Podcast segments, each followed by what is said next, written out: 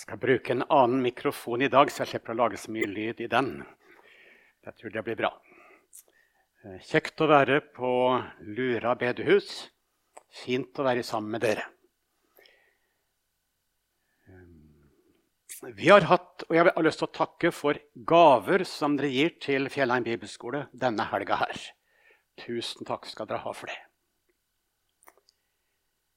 Vi har hatt en overskrift over disse mm, møtene. Um, Den hellige ånds gjerning. Første dagen så hadde vi Den hellige ånd og trua. Det er Den hellige ånd som skaper og holder oppe trua på Jesus. Det finnes ikke noe åndelig liv uten at Den hellige ånd har skapt et nytt liv i hjertet. I går så hadde vi om Den hellige ånd og vandringen. Livet som en kristen. Det er Den hellige ånd som er hovedpersonen med å leve et liv i ånden, står det. Å bli fylt av Guds ånd. Og det er mange dimensjoner med dette. Å leve et liv etter Guds vilje etter Guds bud. I dag skal vi snakke om Den hellige ånd og menigheten, forsamlingen. Den hellige ånd og menigheten, forsamlingen. En hellig, allmenn kirke bekjenner vi i trosbekjennelsen. Jeg har bare lyst til å si sånn Personlig så har det vært en utvikling i mitt liv. Jeg tror jeg må si det at forsamlingen, menigheten, betyr mye, mye mer for meg i dag enn da jeg var 20 år. Og den betyr mye, mye mer for meg i dag enn da jeg var 40 år.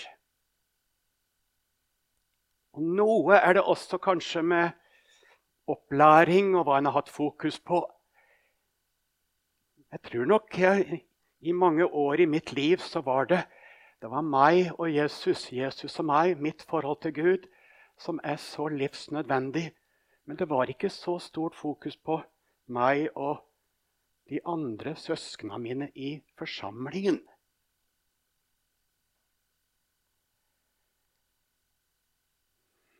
Og vi kan bare tenke på språkbruken vår og hvordan vi snakker om ting.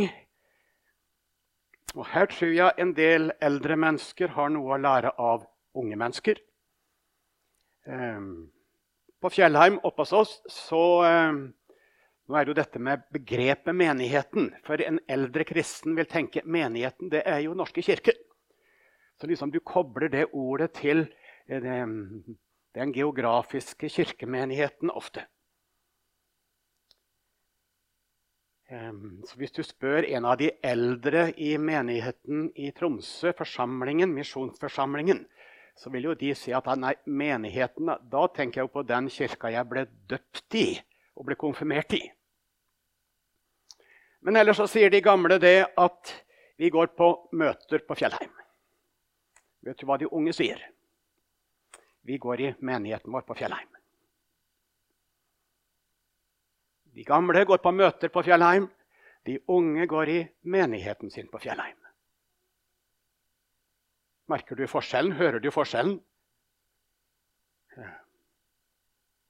Jeg tror ikke det er bare i Tromsø det er sånn. Ehm. Og så har de eldre sine erfaringer som er til stor velsignelse. De er umistelige. Og så har de unge med seg noe tenkning rundt dette som også er utrolig verdifullt. Det var de unge som begynte å spørre jaha, hvor er de eldste hen i forsamlingen på Fjellheim. Nei, de eldste og eldste, det er ikke godt å si. Vi har jo en borte på Finnsnes, som er kretssekretær. Han bruker vi å, å tenke litt som en eldstebror. Ja, men hvem er de eldste her i forsamlingen? spurte de.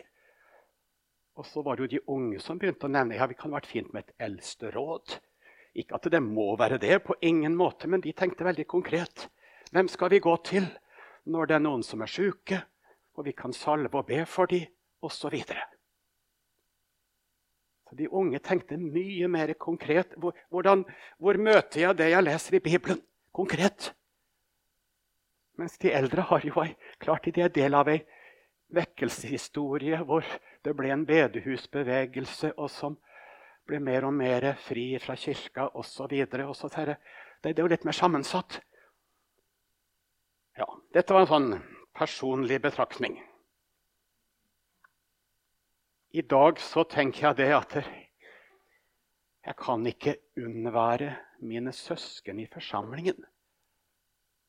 Jeg trenger de.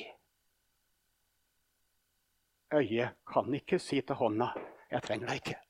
Jeg har ikke bruk bruk for deg. Det går ikke, sier 1. Korinterbrev 12. Vi skal be sammen.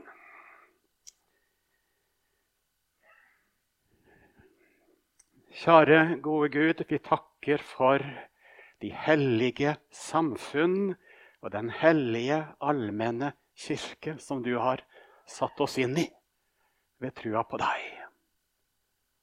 Og vi ber også for denne lokale forsamlingen her. Og vi ber om all din nåde og velsignelse over dette, denne menigheten. Og vi ber om velsignelse over det vi skal dele nå, i Jesu navn. Vi ber om din Hellige Ånd. Amen. Amen. Det var jo på pinsedag at den første nytestamentlige menigheten ble danna. Vi har jo på en måte gudsfolket. Menigheten, Israelsfolket, er jo gudsfolket i Det gamle testamentet. Men nå dannes det en menighet på pinsedag med jøder og hedninger, høy og lav osv. Vi leser i Apostlenes gjerninger 2. Det var jo når Peter forkynte, og så begynte det å stikke i hjertet. Så begynte Guds ånd å virke. Det ble vekkelse i denne flokken som var samla på pinsedag. Og så spurte de i kapittel 2, vers 37, Hva skal vi gjøre, brødre? Peter sa til dem, Omvend dere og la dere alle døpe på Jesu Kristi navn til syndenes forlatelse. Så skal dere få Den hellige ånds gave. For løftet tilhører dere og deres barn og alle dem som er langt borte, så mange som Herren vår Gud kaller til seg. Også med and mange andre ord vitnet han, og han formante dem og sa:" La dere frelse fra denne vrange slekt. De som nå tok imot hans ord, ble døpt. Og den dagen ble det lagt til omkring 3000 sjeler. Det var litt av et vekkelsesmøte. Og så ble det danna denne store menigheten. Det var jo ikke alle som ble værende i Roma, for de var jo tilreisende fra ulike deler av landet. Så noen reiste jo tilbake til Roma. Alle tilhørte ikke menigheten i Jerusalem. Kom jo, mange kom jo fra hele Romerriket. Og Noen av disse 3000 reiste jo tilbake til Roma og danna en kristen menighet i Roma. Noen reiste tilbake til Nord-Afrika og danna en kristen menighet i Nord-Afrika. Noen reiste tilbake til Tyrkia, Asia, og danna en kristen menighet i der. Når det står om de som ble værende da i Jerusalem, de holdt urokkelig fast ved apostlenes lære og ved samfunnet, ved brødsbrytelsen og ved bønnene.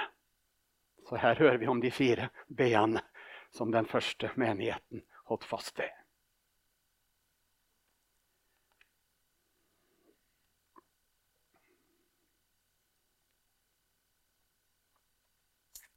Når vi bekjenner den felles kristne trua, som er så verdifull den er utkjempa i oldkirka, i kamp mot vrang lære. Og så er den apostoliske trosbekjennelsen. Jeg tror på Gud Fader den allmektige. Jeg tror på Jesus Kristus osv. Jeg tror på Den hellige ånd, en hellig, allmenn kirke. En hellig, allmenn kirke. Hva er det vi bekjenner? Hva er det vi bekjenner? Vi kjenner jo igjen uttrykket når Paulus skriver til ulike, ulike menigheter. Jeg skriver til de hellige i Korint. Til de hellige i Roma. Til de hellige på Lura.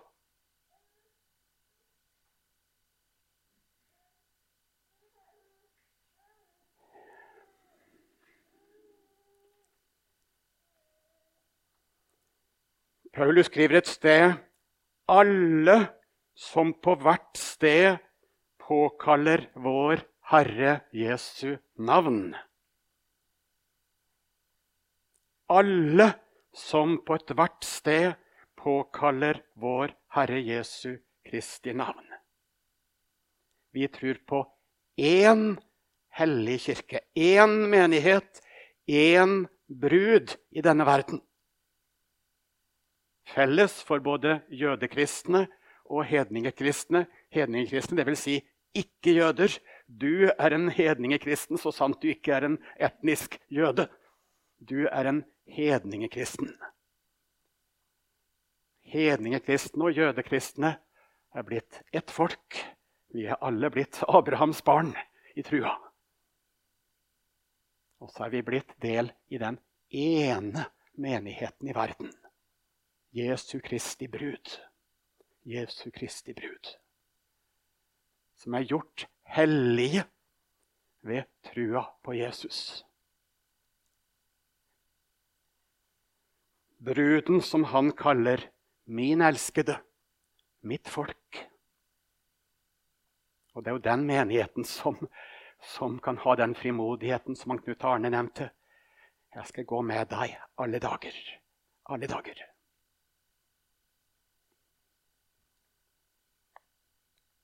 Det står om et hellig folk. Det står om hell, et hellig presteskap. Det står om de hellige. De er feilfrie, ulastelige i Guds øyne. De er i Kristus tilregna Jesus sin rettferdighet. De hellige, de er i Kristus. Ren og rettferdig, himmelen verdig. Men det å tilhøre en hellig menighet betyr noe mer. Det å være hellig det er jo også å være utskilt fra denne verden. Ordet 'hellig' betyr jo å måtte kutte over. Det er der, og det er der. Du er totalt utskilt fra denne verden. Verden er ikke hellig, den er vanhellig. Og så er den kristne menigheten utskilt fra verden. Vi tror på ei hellig kirke. Den er utskilt fra verden, og den er også innvidd til Gud. Den er innvidd til Gud. Det som ble helliga i Det gamle testamentet, det ble innvidd til Gud. Og Vi tenker da også om en lokal forsamling. Hellig i Kristus, så sant det er et åndelig liv her hos den enkelte. Og så er den utskilt fra verden, og så er den innvidd til Gud. Det er Jesus sin menighet. Så kan vi tilhøre ulike organisasjoner og kirkesamfunn, men det er Jesus sin forsamling. Det er Jesus sin forsamling. De er innvidd til Han. Menighetene innvidde han.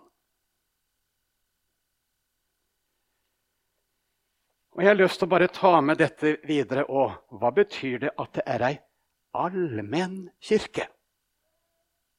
Det betyr absolutt, absolutt, absolutt ikke at det er ei folkelig kirke som er mest mulig lik denne verden. Det betyr det absolutt ikke. Det har ingenting med folkelighet å gjøre på den måten. At den er liksom alminnelig på den måten at den, det er ikke noe forskjell på, på menigheten og verden. Det er jo en, det er jo en total forskjell. Men den er allmenn på den måten at den gjelder alle folkeslag. Den er over hele verden.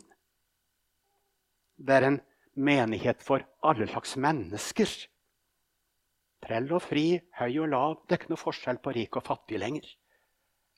Det er ikke noe forskjell på status og hvem som er over og under.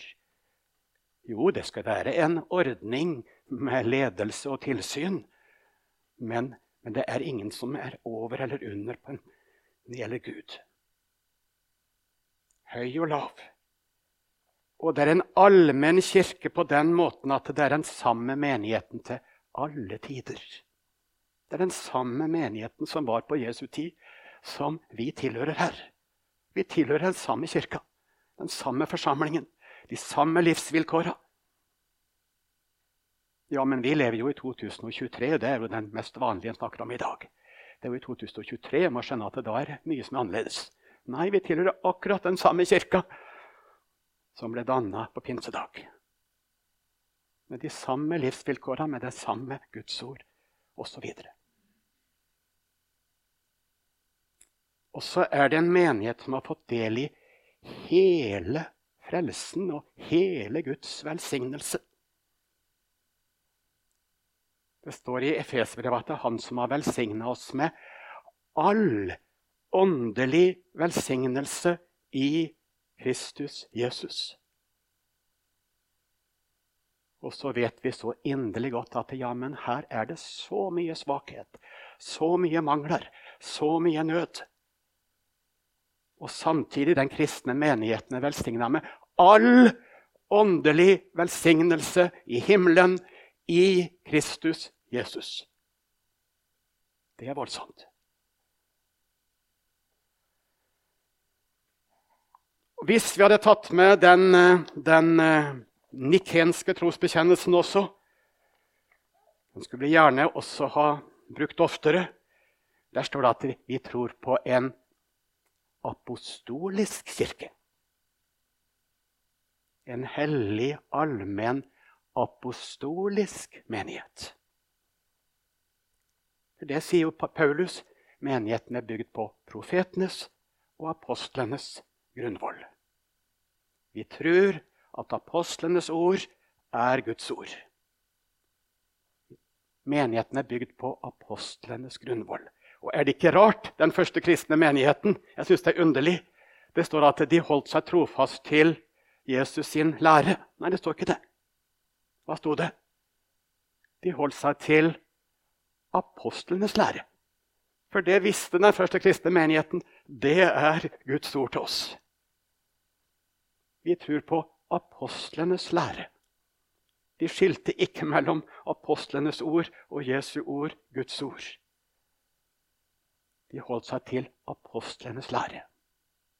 Det er kjempenyttig å tenke på.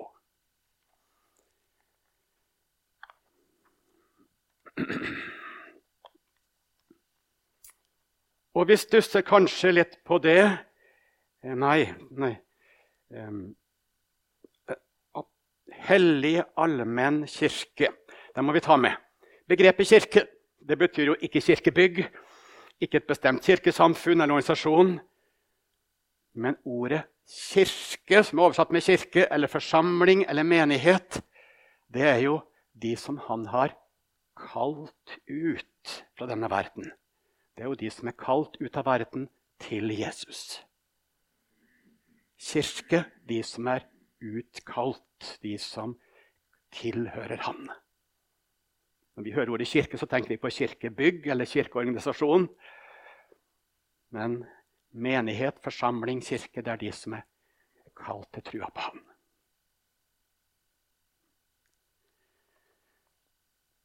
La du merke til hvor sentral dåpen var i den første kristne menigheten? La du merke til det? Det er ikke så ofte vi tenker på eller snakker om. Hva skal vi gjøre? Hva skal vi gjøre? Det begynte å stikke i hjertet. Og så sa Peter, omvend dere og la dere døpe. Jesu Kristi navn, til syndenes forlatelse, så skal du få Den hellige ånds gave. Så de som tok imot ordet, de som tok imot evangeliet og ble døpt, de ble lagt til menigheten.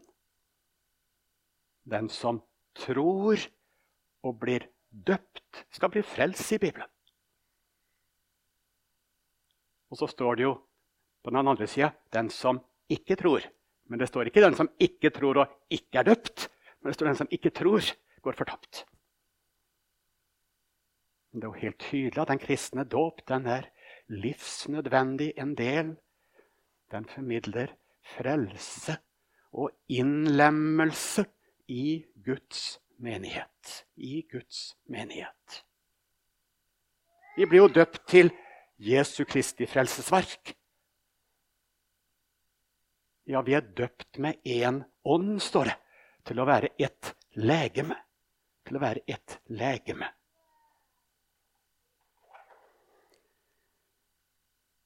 Det er ikke vannet som gjør det, sier Luther, men Guds ord som er med vannet. Men vannet det er det ytre tegnet som Gud har gitt oss. Vi døpes til Jesu død oppstandelse. Så pinsedag, der ble Guds ord forkynt, både loven og evangeliet. Der ble mennesker døpt, og der mottok de Den hellige ånds gave. Og så står det også menigheten holdt fast ved de fire bene.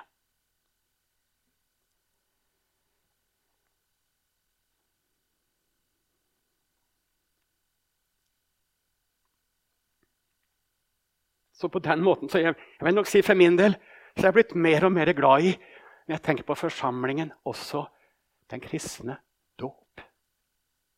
Det er sannelig ikke alle bedehusvenner som har ofra dåpen like mye tanker.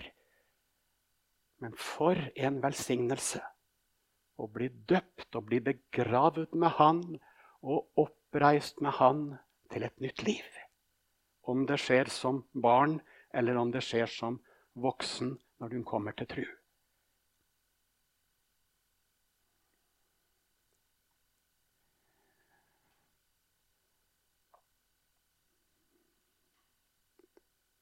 På Fjellheim er også noen foreldre som syns det er veldig fint om de kunne ha full neddykkelse. Ja, det er jeg veldig for, egentlig. Som tar det på den måten. Og ingen, ingen unger som er døpt med full neddykkelse i Tromsø, har drukna. Nei, de har overlevd alle sammen. Ja. ja.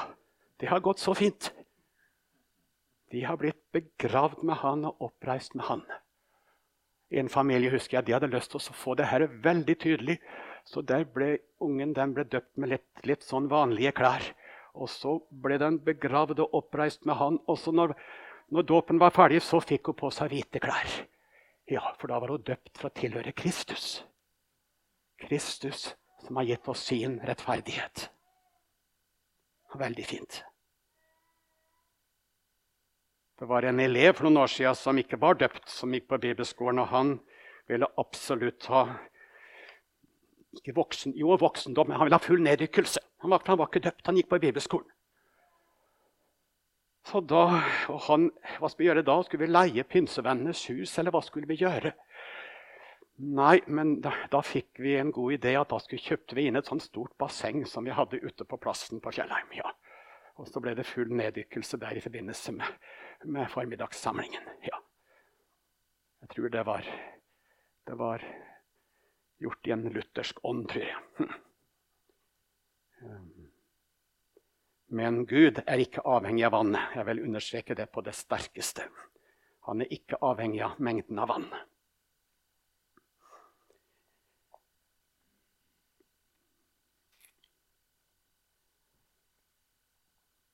Jeg tror på Den hellige ånd, de helliges samfunn. Vi er døpt med én ånd, 1. Korintere 12, 13, til å være Jesu Kristi legeme på jord. Du er kommet inn i en kropp. Du er en del av Jesu kropp i verden. Jesu legeme i verden. Så sant du har livsforbindelse med Jesus.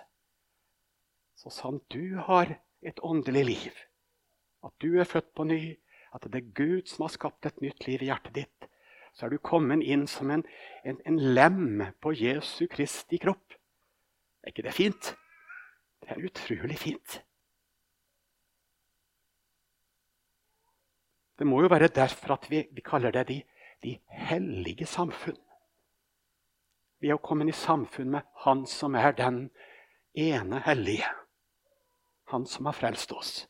Og så er du kommet inn i samfunn med de andre hellige som har fått del i den samme skatten. Og du har like, mye fellesskap med de som fingeren din har med foten din. Ja. Du er kobla på det samme legemet. Og Derfor så sier Bibelen om ett lem lider, så lider de andre lemmene med. Om ett lem gleder seg, så gleder de andre lemmene seg med. Derfor så ber vi for den forfulgte menighet i verden. Vi kjenner på smerten og lidelsen inn i vår egen, i vår egen, inn i vår egen tru. Derfor så lider du med andre i din egen forsamling som har det vanskelig. Og så gleder du deg med de andre i forsamlingen din. For det gjelder deg. Det er jo din kropp, eller det er jo den kroppen som du tilhører.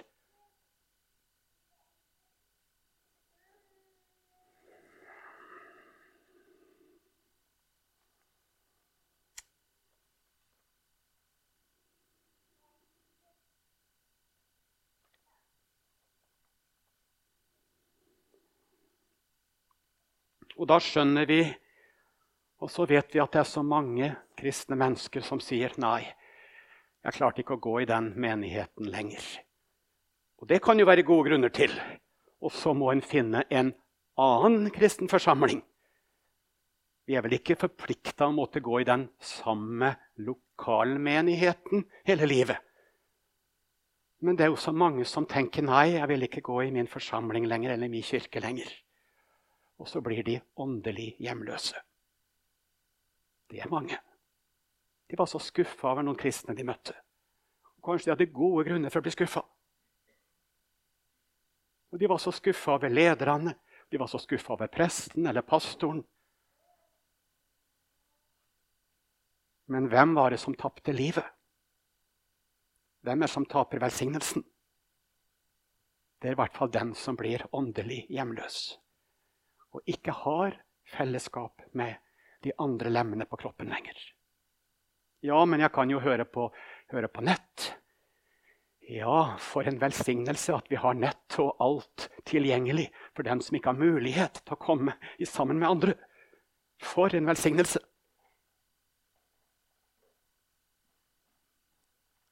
Men erstatter det det å være i et levende fellesskap med andre mennesker. Det gjør det vel ikke, uansett hvor gode prekener det er på nett.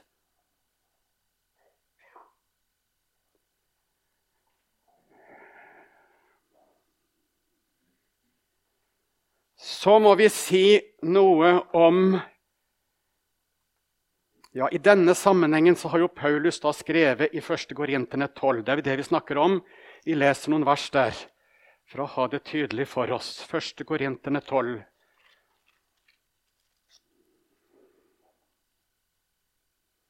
Vers 14. Vi leste jo vers 13, for med én ånd ble vi alle døpt til å være ett legeme. Enten vi er jøder eller grekere, treller eller frie. Vi har alle fått én ånd å drikke. Legeme er jo heller ikke ett lem, men mange om foten skulle si 'fordi jeg ikke er hånd, hører jeg ikke med til legeme. Sånn vil noen tenke. Jeg passer ikke inn her. Jeg hører ikke til her. Jeg er så annerledes. Fordi jeg ikke er hånd, hører jeg ikke med til legeme. Så hører den like fullt med til legeme. Om øret skulle si 'fordi jeg ikke er øye, hører jeg ikke med til legeme, så hører det like fullt med til legeme. Og vi går ned til eh, vers 21. Øyet kan ikke si til hånden 'Jeg trenger deg ikke', eller hodet til føttene 'Jeg har ikke bruk for dere'. Men tvert imot, de lemmer på legemene som synes å være de svakeste, de er nødvendige.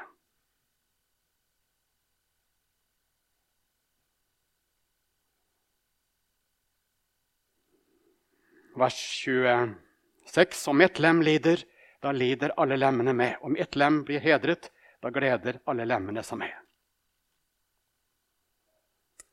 I mitt hjerte så kan det være sånne tanker som dette. Det var litt bra at han eller hun slutta i forsamlingen, for det var ganske mye vanskeligheter med henne og han. Det var litt mye bråk med de. Vanskeligheter. De lagde litt uro på en eller annen måte. De forstyrra liksom den gode enigheten vår. Sånn kan jeg tenke. Det, det, det, gjør ingenting om vi mister noen. Men det var dumt hvis du mista den og den og den personen. Og når vi mister de, så er det ikke så farlig. For en ugudelig tanke. For en ugudelig tanke. Ja, ja, nå har nå de blitt borte, men det, det er ikke så mye vi har sett det uansett. Så det, det gjør nå ingenting om de er blitt borte. Ja, de har vært så lite trofaste hos oss. De har, de har nå hørt det her, men de har vært så lite trofaste. Og så har vi mista en av lemmene på legemet. For en nød! For en katastrofe!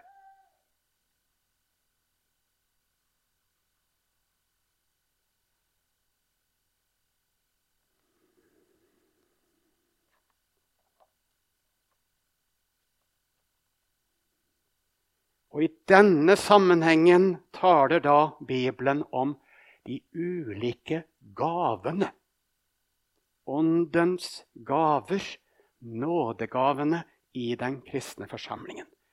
De er knytta til dette med å være lemmer på Jesus sin kropp. Det er jo hele bildet.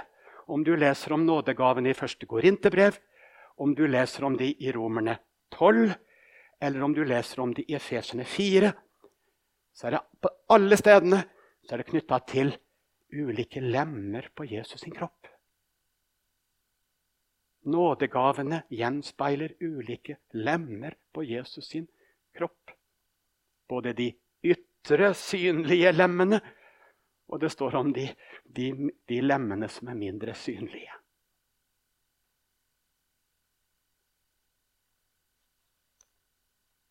Ut fra den tankegangen og ut fra det at det er så ulike eh, oversikter over nådegaver, så tror vi ikke det er noe fullstendig nådegaveliste i Bibelen.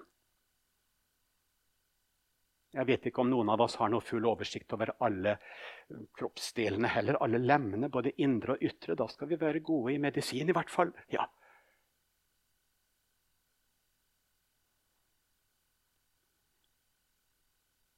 Men det er jo en god del nådegaver som er nevnt. Men vi tror ikke nødvendigvis det beskriver absolutt alle lemmene som fins.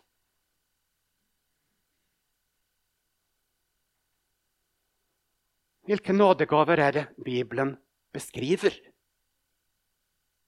Skal vi nevne noen av de som Bibelen nevner?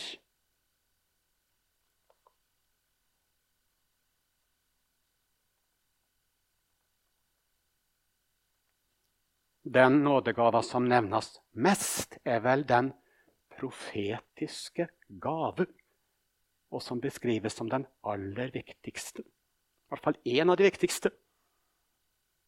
Som vi nevnte her i går, så er det jo hvis, det hjelper ikke med all verdens profetisk gave hvis de ikke har kjærlighet, åndens frukt. Noen beskriver profetisk gave som en, mer en allmenn forkynnergave. Andre igjen beskriver profetisk gave som et helt spesielt budskap som Gud kommer med. I min ungdom så sto de fram og sa 'Så sier Herren', og så kom det et helt spesielt budskap. Jeg tror ikke det var sunt med en sånn autoritet som noen sto fram med. Men det står jo noe om ei profetisk gave i Bibelen hvor mennesket faller til jorda og skjønner Gud er iblant oss. Nå taler faktisk Gud inn i vår menighet, inn i våre hjerter, veldig direkte. Og Sånn er det vel noen forkynnergaver som er. Men det kan vel også være gjennom et enkelt vitnesbyrd. Det gjelder både menn og kvinner uten forskjell, sier Bibelen, med den profetiske gava. Og det hender bare det er et enkelt vitnesbyrd som er sånn at Oi, det tar det rett inn i mitt liv. Det tar det rett inn i min situasjon. Er ikke det noe av den profetiske gava? Det kan skje gjennom den, den omfattende forkynnelsen, men det kan også skje gjennom et enkelt vitnesbyrd. Det må være flere og mange i en sånn forsamling som her som har noe av den profetiske gave. Eller så må den tilkalles, slik at den kan få lyde i forsamlingen. Til vekkelse, fornyelse.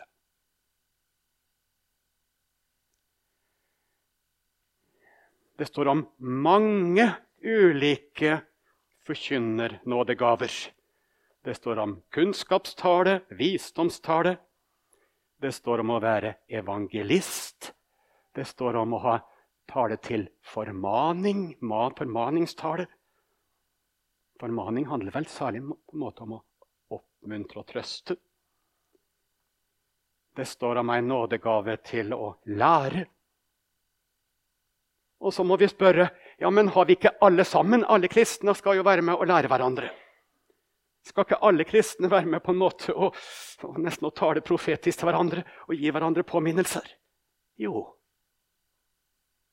Skal ikke alle kristne være evangelister? Jo. Men det er noen i forsamlingen her som har en særlig evangelistgave. Det kan jo være en evangelist på talerstolen. Vi har liksom tenkt på Nils Kåre Strøm og Per Tveten og liksom noen konkrete forkynnere. De er evangelister, og det er de virkelig. Men det er vel noen evangelister her også som har en særlig evne og gave til å komme i kontakt med ikke-kristne. Til å be med seg ikke-kristne på et møte eller i bibelgruppe eller hjem til seg på kaffe og vitne for dem. Du og du, vi trenger noen som er evangelister i forsamlingen. Og så trenger vi noen som er lærer. Og så trenger vi noen som har en sånn formaningsgave. Jeg ser for meg en, en, en, person i Troms som jeg merker har en sånn formaningsgave. Det vil si, jeg blir så styrka med å være sammen med han. Han, han, han, han, er å, er med å oppmuntre og styrke trua mi når jeg møter han. Han har noe med seg som gir, gir Han er med å formane meg til å holde fast på Jesus og på det aller viktigste.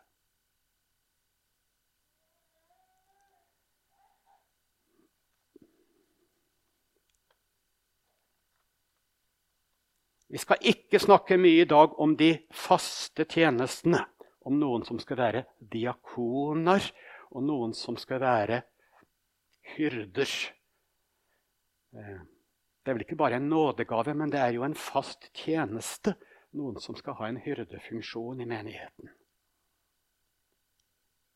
Og noen som blir kalt til å være diakoner i menigheten, tar det Bibelen om.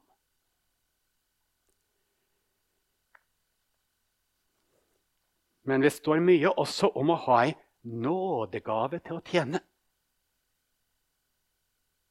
Jeg ser for meg noen i forsamlingen på Fjellheim. Hvordan hadde forsamlingen vært uten disse som har ei særlig nådegave til å tjene? De har en utrolig evne til å, til å tjene forsamlingen. Usynlig, nærmest. Det kan være praktiske ting, men det kan òg være forbønn og hjelp åndelig. Det står også om ei nådegave til å hjelpe. Det står om, og det står om en nådegave til å vise barmhjertighet. Vise barmhjertighet. Fins det noen i forsamlingen her som har den gava? Ja, men Skal ikke vi alle vise barmhjertighet? Jo, Men se for deg hvis det er mennesker som har det skikkelig vondt. Det er ikke tilfeldig hvilken person skal gå og besøke den. Det er noen som har ei særlig gave til å vise barmhjertighet inn i lidelse og smerte.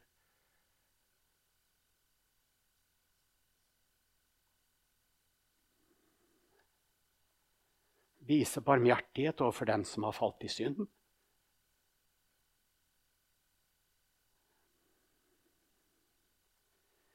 Det står om ei nådegave til å gi. Dele ut gaver. Romerne 12. Ja, men skal ikke vi alle gi? Jo. Men har ikke du opplevd noen som har ei særlig nådegave til å gi? Ja, de gir og gir og gir og gir. Du tror at de ikke har gjør, gjør annet. Ja. Og tiende og dette blir jo altfor lite for de når det gjelder å gi. De gir hele seg, og de gir huset sitt og midlene sine i tjeneste for Gud på en helt spesiell måte.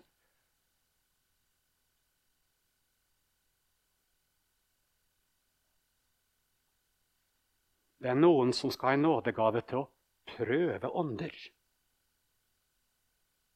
Det var visst den aller viktigste nådegava i Oldkirka. Den skulle prøve åndene. For Der var det så mye kamp om sann lære i den første tida. Omtrent tilsvarende som nå. Og så var det noen som skulle ha ei gave til å prøve åndene ut fra Bibelen.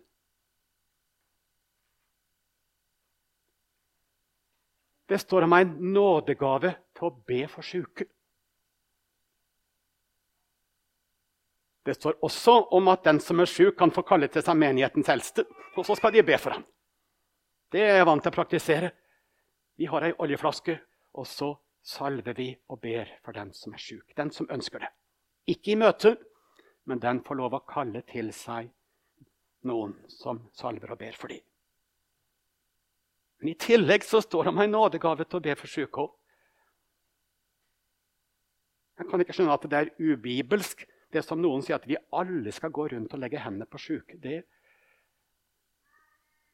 det kan ikke være rett, for det er jo en nådegave som enkelte personer har fått. Men har vi noen i dag? Har vi noen her? Noen som vi vet kanskje har opplevd mye lidelse og sykdom sjøl. Kjenner på smerten i sitt eget liv. Og så har de fått en veldig omsorg for å be for andre som er sjuke. Det er ingen motsetning mellom det og å verdsette all legegjerning som en Guds velsignelse.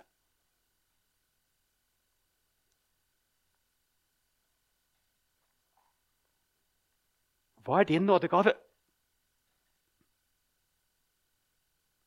Hva er din nådegave i det kristne fellesskapet, i forsamlingen? Jeg syns det er helt naturlig at Ungdommer som går på bibelskolen, de famler og spør hva er min nådegave. Jeg blir ganske bekymra hvis en ungdom på 20 år sier at ja, jeg har den nådegava og den og den og den. Oi, det var voldsomt og sjølgod du var. Ja, liksom for hovmodig, eller du, du virka så veldig sjølsikker.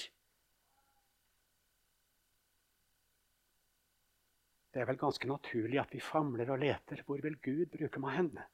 Hva er min gave? Hva skal bli min tjeneste i livet? Kanskje det er litt mer trist hvis en tenker liksom en person som er 80 Jeg har ikke peiling på hva som har vært min nådegave i livet. Jeg har ikke noe peiling på det. Jeg tror jo likevel denne personen kan ha blitt brukt av Gud. Ja, for du har levd i fellesskap med Jesus, og du har stilt livet ditt i tjeneste for Han.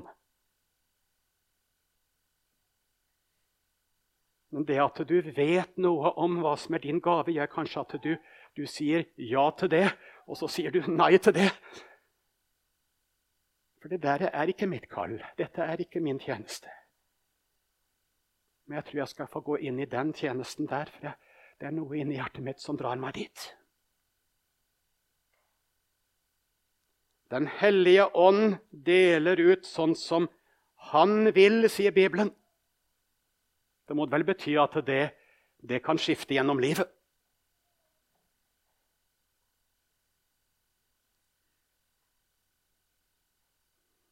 Og alt det som står om nådegavene, det handler jo om hvordan vi kan bygge hverandre opp i et fellesskap.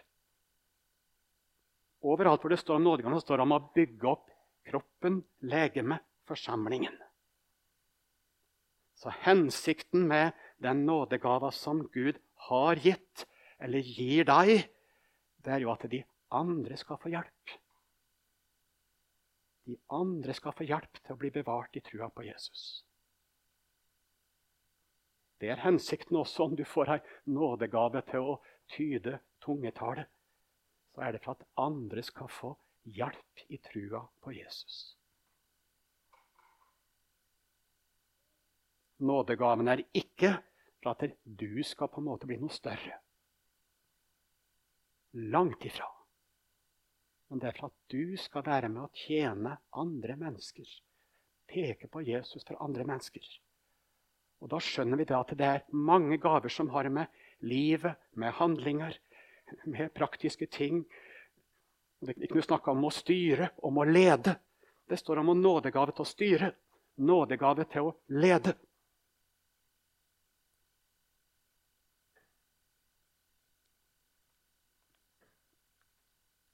Det må være noen som har en særlig nådegave til å gi evangeliet til ungene, selv om det ikke står i Bibelen.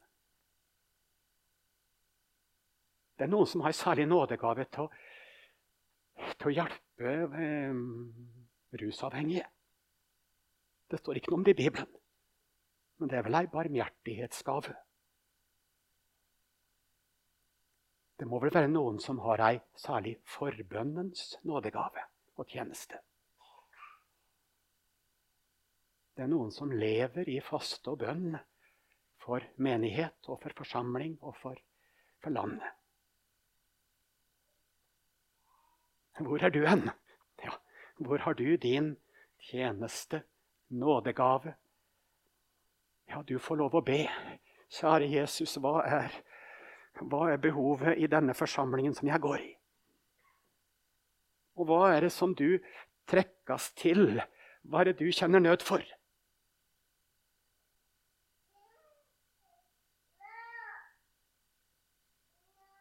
Vi må skille litt mellom naturgave, det som alle, alle mennesker har, og nådegave. Du er flink til å spille. Det er ikke en nådegave. Nei, det, du er flink til å spille om du er kristen eller ikke. Men tenk at den naturgava kan du bruke til ære for Gud. Ja. Og kanskje du kan få lov å være med å peke på Jesus gjennom sang og musikk. Og så blir ei nådegave. Men det er jo i den grad det har med Den hellige ånd som gir, og at det får peke på Jesus Kristus, så blir det ei gave som bygger opp menigheten.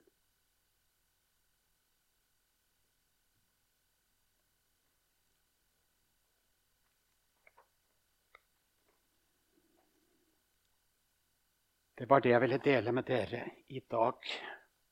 Om Den hellige ånd og den kristne forsamlingen. Jeg har bare lyst til å si det helt til slutt. Ehm, det står i trosbekjennelsen vår.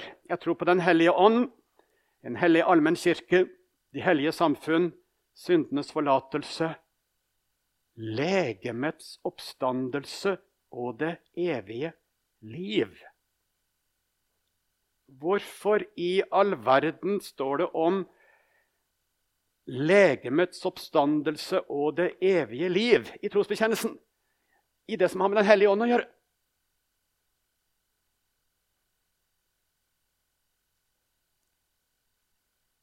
Romerne 8, vers 11.